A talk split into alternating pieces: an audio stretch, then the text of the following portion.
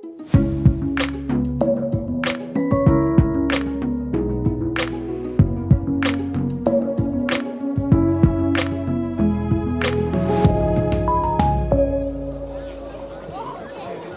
du har hatt en varm eller kjølig sommer så langt, så er det uansett sesongen for å være ute. Treff venner og familie, spis måltidene på verandaen nesten uansett temperatur, og bare la humla sus. Og det er ikke for å ødelegge den gode sommerstemninga, men som alle nordmenn er smertelig klar over, så kommer det alltid en høst. Vi vet at det kommer kjølige dager, da vi helst bare vil være innendørs. Trekk opp i sofaen, skru på TV-en, bla i avisa, surf på mobilen eller skru på radioen. Men hva venter oss til høsten? Hvem kan gnikke og gnu på krystallkula for å spå hva som venter oss mediehøsten 2016? En av dem som ikke gjør annet enn å følge med på hva som kommer, er Sigurd Vik. TV-serieanmelder og journalist i P3s Filmpolitiet! Og han kan villig fortelle oss hva vi har å glede oss til når det kommer til TV-skjermen til høsten. Jeg skal være litt forsiktig nå, for jeg har lovt at det her skal skje flere ganger, og måtte ha gitt meg, men ifølge ganske sikre kilder så får vi endelig høsten 2016 se bl.a. Ingrid Bolse Berdal på HBO, da uh, sci-fi-serien Westworld endelig skal komme. Den har nå fått premiere i oktober, og skal da dukke opp uh, på HBO Nordic her i Norge, sånn at vi endelig får sett den. Og Det er en serie vi har venta så utrolig lenge på. Vi hadde den på Vi gleder oss til-lista for serier som skulle komme i 2015, så allerede der gikk vi i Filmpolitiet på en liten smell, men da sa de jo at den skulle komme. Have you ever questioned the nature of your reality?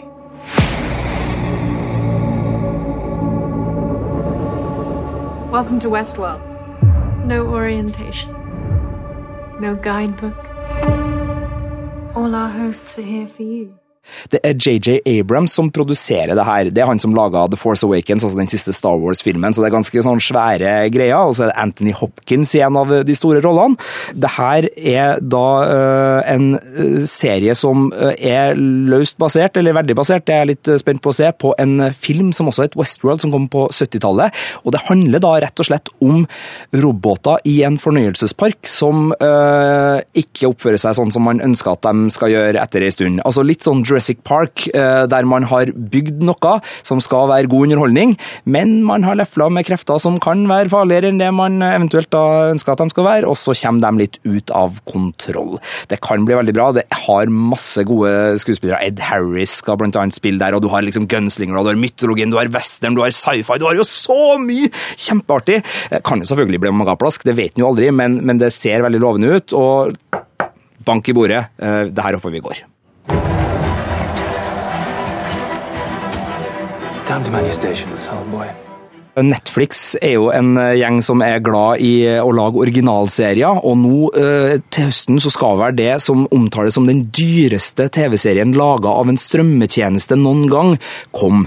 Den heter The Crown og kommer på Netflix den 4. november, er foreløpig dato der, og det er da et show som skal ta seg av, eller ta for seg dronning Elisabeth i England sitt liv. Jeg tror den skulle starte med hennes bryllup i 1947, og, og følge da monarken fram til i dag, og at det jeg regner med da er hennes omgivelser og eh, kulisser. og Det er jo veldig mye å ta tak i her. Eh, jeg aner ikke hvor langt første sesong skal spenne, eventuelt, eller hvordan det her blir. Det, det, holdes litt eh, tett til brystet, men The Crown har jo alle på en måte signaturtrekkene til både å tekkes de historisk interesserte, de som er glad i monarker og kongehus, det finnes det jo noen av, og ikke minst dem som er eh, litt glad i eh, dramaserier hvor bekledningen eh, og estetikken er viktig. Så for de som kanskje har savna Downton Abbey og, og eh, gleder seg til et nytt Eh, jeg skal ikke si kostymedrama, det er kanskje litt slemt sagt, men altså det er klart det her blir en serie som også har pomp og prakt.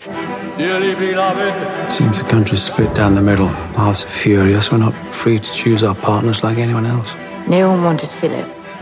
She dug her heels in, got the man she wanted, didn't she? We have a new sovereign, young, and a woman.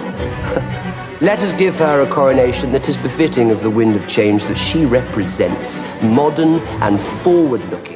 Tror jeg The Crown kan bli en skikkelig fin TV-serie. Men det blir jo litt senhøst, da. Da er vi i novemberen. Da er det mørkt, da er det lov å sitte inn og se på TV uten at noen sier 'skulle du ha vært ute i godværet'? Eh, og det kan passe utmerket godt å få en, en liten monarkserie da. Eh, mer hjemlig så har jo Viaplay også nå begynt å melde seg på. Det er jo en strømmetjeneste som eh, er tilgjengelig for de fleste her i Norge, og som både har mye sport og, og mye TV-serier. og De har lefla med en originalserie allerede, men nå kommer den første på en måte erklærte originalserien fra dem, og den skal komme i høst. og Den heter Swedish Dicks. Beklager språkbruken her, men det er Viaplay sin feil. Det er dem som har gitt den den eh, tittelen. Og det er Peter Stormare som spiller en av hovedrollene der. Jeg, känner jag meg som et spøke i en maskin. Du fatter hva jeg mener? Jeg... Hjelp! Jag er et spøke i en maskin. Hjelp! Hjälp! Ja, Okej. Er da eh, ganske treffende eh, to privatdetektiver som eh, holder på i USA.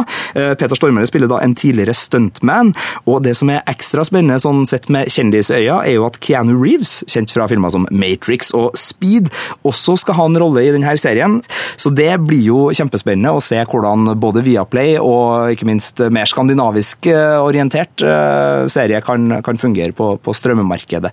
Men for oss litt utdaterte, som ennå ikke har hevet oss på strømmebølgen, men fortsatt sverger til lineær TV, hva kan vi se fram til, bokstavelig talt, til høsten? Jeg har ikke fått det 100% bekrefta, men jeg kan ikke skjønne at det ikke skal være sånn at um, Grey's Anatomy dukker opp igjen på TV 2, for sesong 13 er nå bekrefta, og Ellen Pompeo, som spiller hovedrollen, er også bekrefta, så jeg regner jo med at TV 2 kommer til å fortsette å levere god dramaunderholdning fra sykehuset der. Det skal også sies at TV 2 har en eh, sesong to av en annen eh, god norsk serie, Frikjent, som eh, gikk Her var det vel i fjor på TV 2. I hvert fall ifølge Sogn Avis så skal innspillinga av sesong to være ferdig nå. Og det har tidligere vært snakk om at det skal komme til høsten, så jeg håper også at vi får se Frikjent sesong to, med bl.a. Nicolai Kleve Broch, en av de sentrale rollene da i høst. Så det, det er et håp jeg har. Og så er jo NRK også på banen med et eh, ganske så stort eh, dramaopplegg sjøl. Det er en serie som heter Nobel. Eh, den er laga av Monster og skal gå på NRK nå til høsten. Regissøren er Per Olav Sørensen, som var regissør på Kampen om tungtvannet, som samla ganske mange TV-seere foran skjermen. Og denne gangen så er det norske soldaters krigsføring i Afghanistan, og da handler det om Norges involvering i Afghanistan-krigen. Men det er ikke basert på virkelige hendelser, men det er vel da forhåpentligvis troverdige hendelser og, og spenning og, og dramatikk. Så det er jo uh, både spennende tema, det er en spennende produksjon, og det er veldig mange spennende ansikt og, som skal være med på det her. Og en god regissør, så Nobel skal komme på lineær TV til høsten på NRK. Jeg vil tro NRK1. Jeg vil tro NRK1. Jo da, Nobel blir vist på NRK1 til høsten. Media er jo så mye mer enn TV. Vi er jo på alle mulige plattformer nå om dagen, og gjerne samtidig. Med mobilen i hånda og nettbrettet i sofaen mens vi switcher mellom lineær og strømme-TV og kanskje tar en titt i et magasin mens radioen surrer og går i bakgrunnen. Gamle og nye medier går hånd i hånd. Eller gjør de egentlig det? Jeg tar meg en tur til Adresseavisas lokaler, der utviklingsredaktør Ingeborg Woland tar imot meg. Hei, hei. hei. Hyggelig. Ingeborg. Trivelig. Hennes jobb går strengt tatt i stor grad ut på å følge med i mediebildet. Og selv om medielandskapet fort kan skifte, er det noen ting hun føler seg rimelig sikker på før mediehøsten 2016.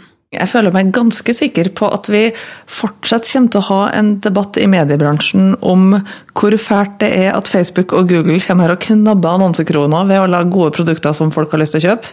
Um, Og også i den sammenheng at det er ganske tøffe tider i den tradisjonelle mediebransjen. um, Som fører til at uh, det er synkende inntekter.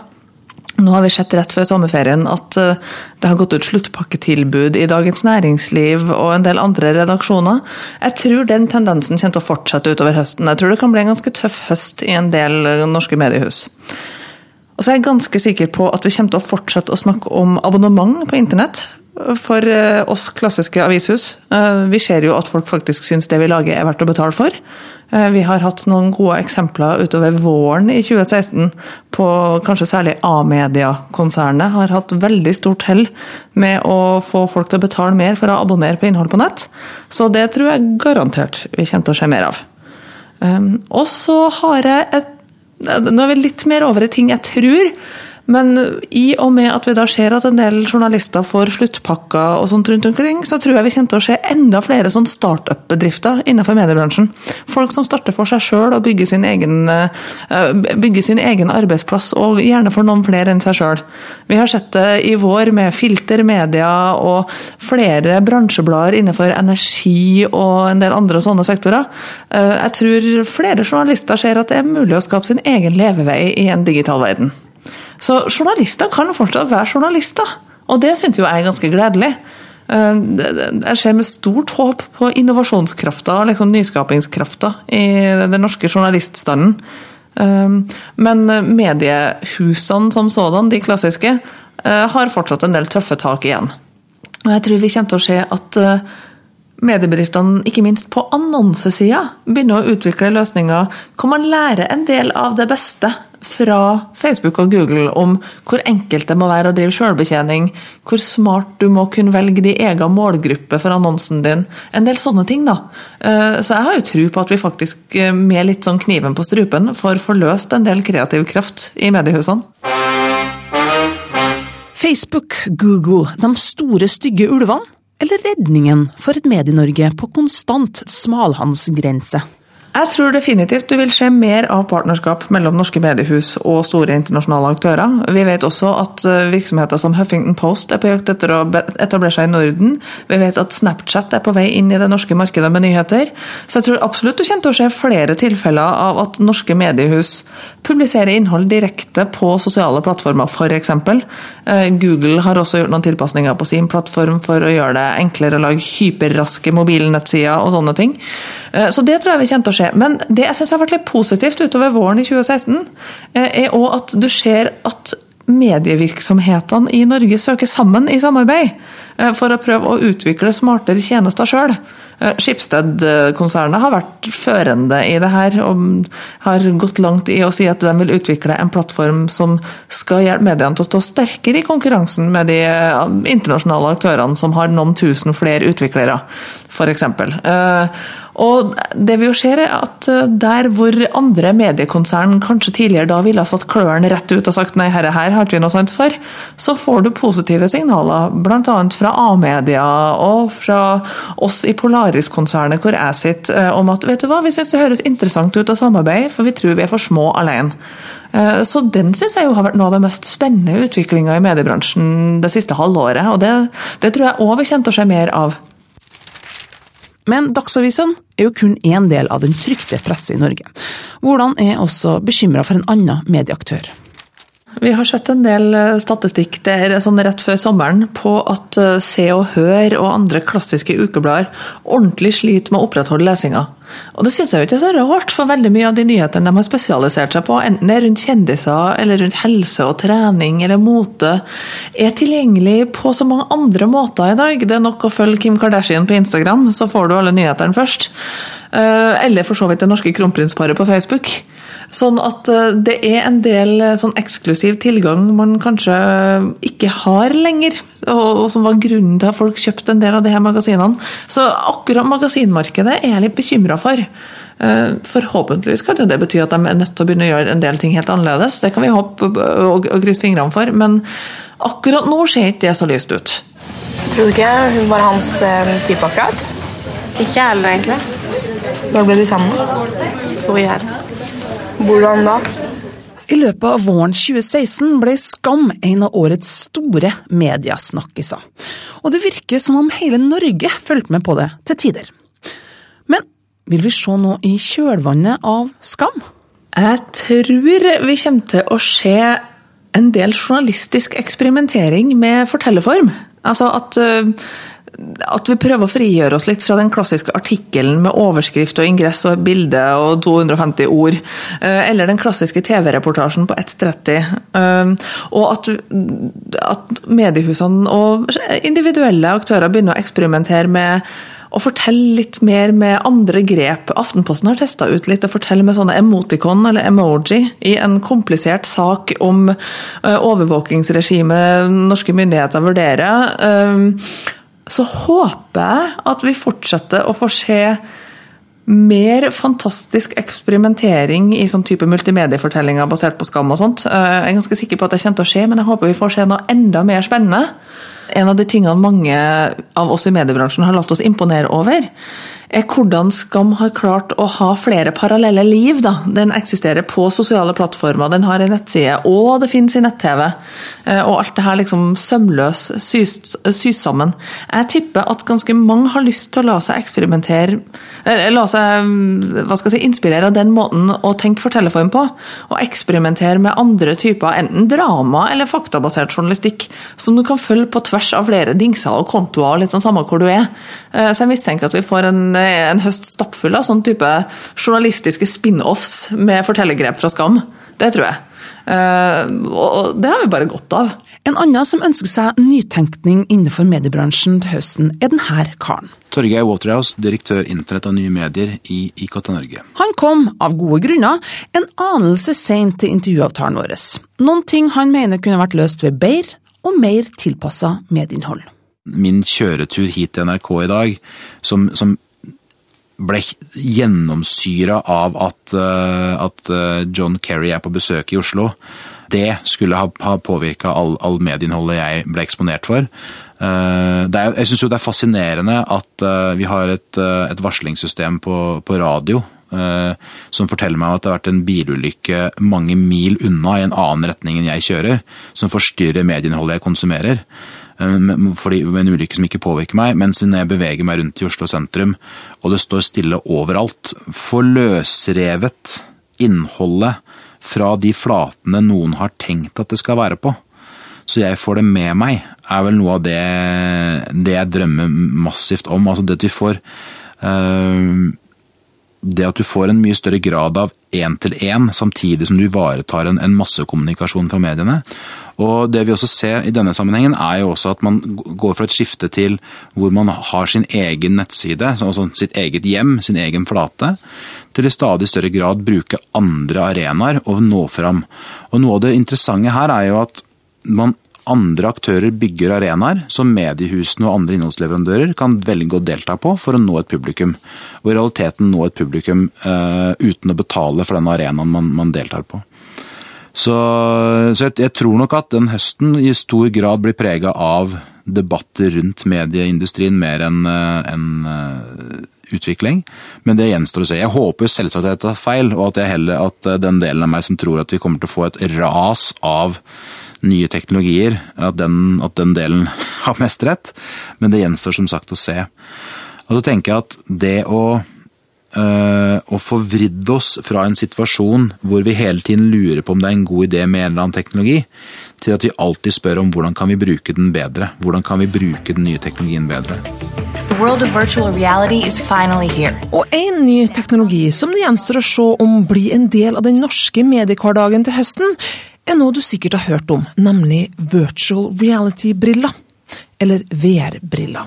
You simply insert the Galaxy Note 4 into place and put it on. Then select Milk VR and get ready to be amazed.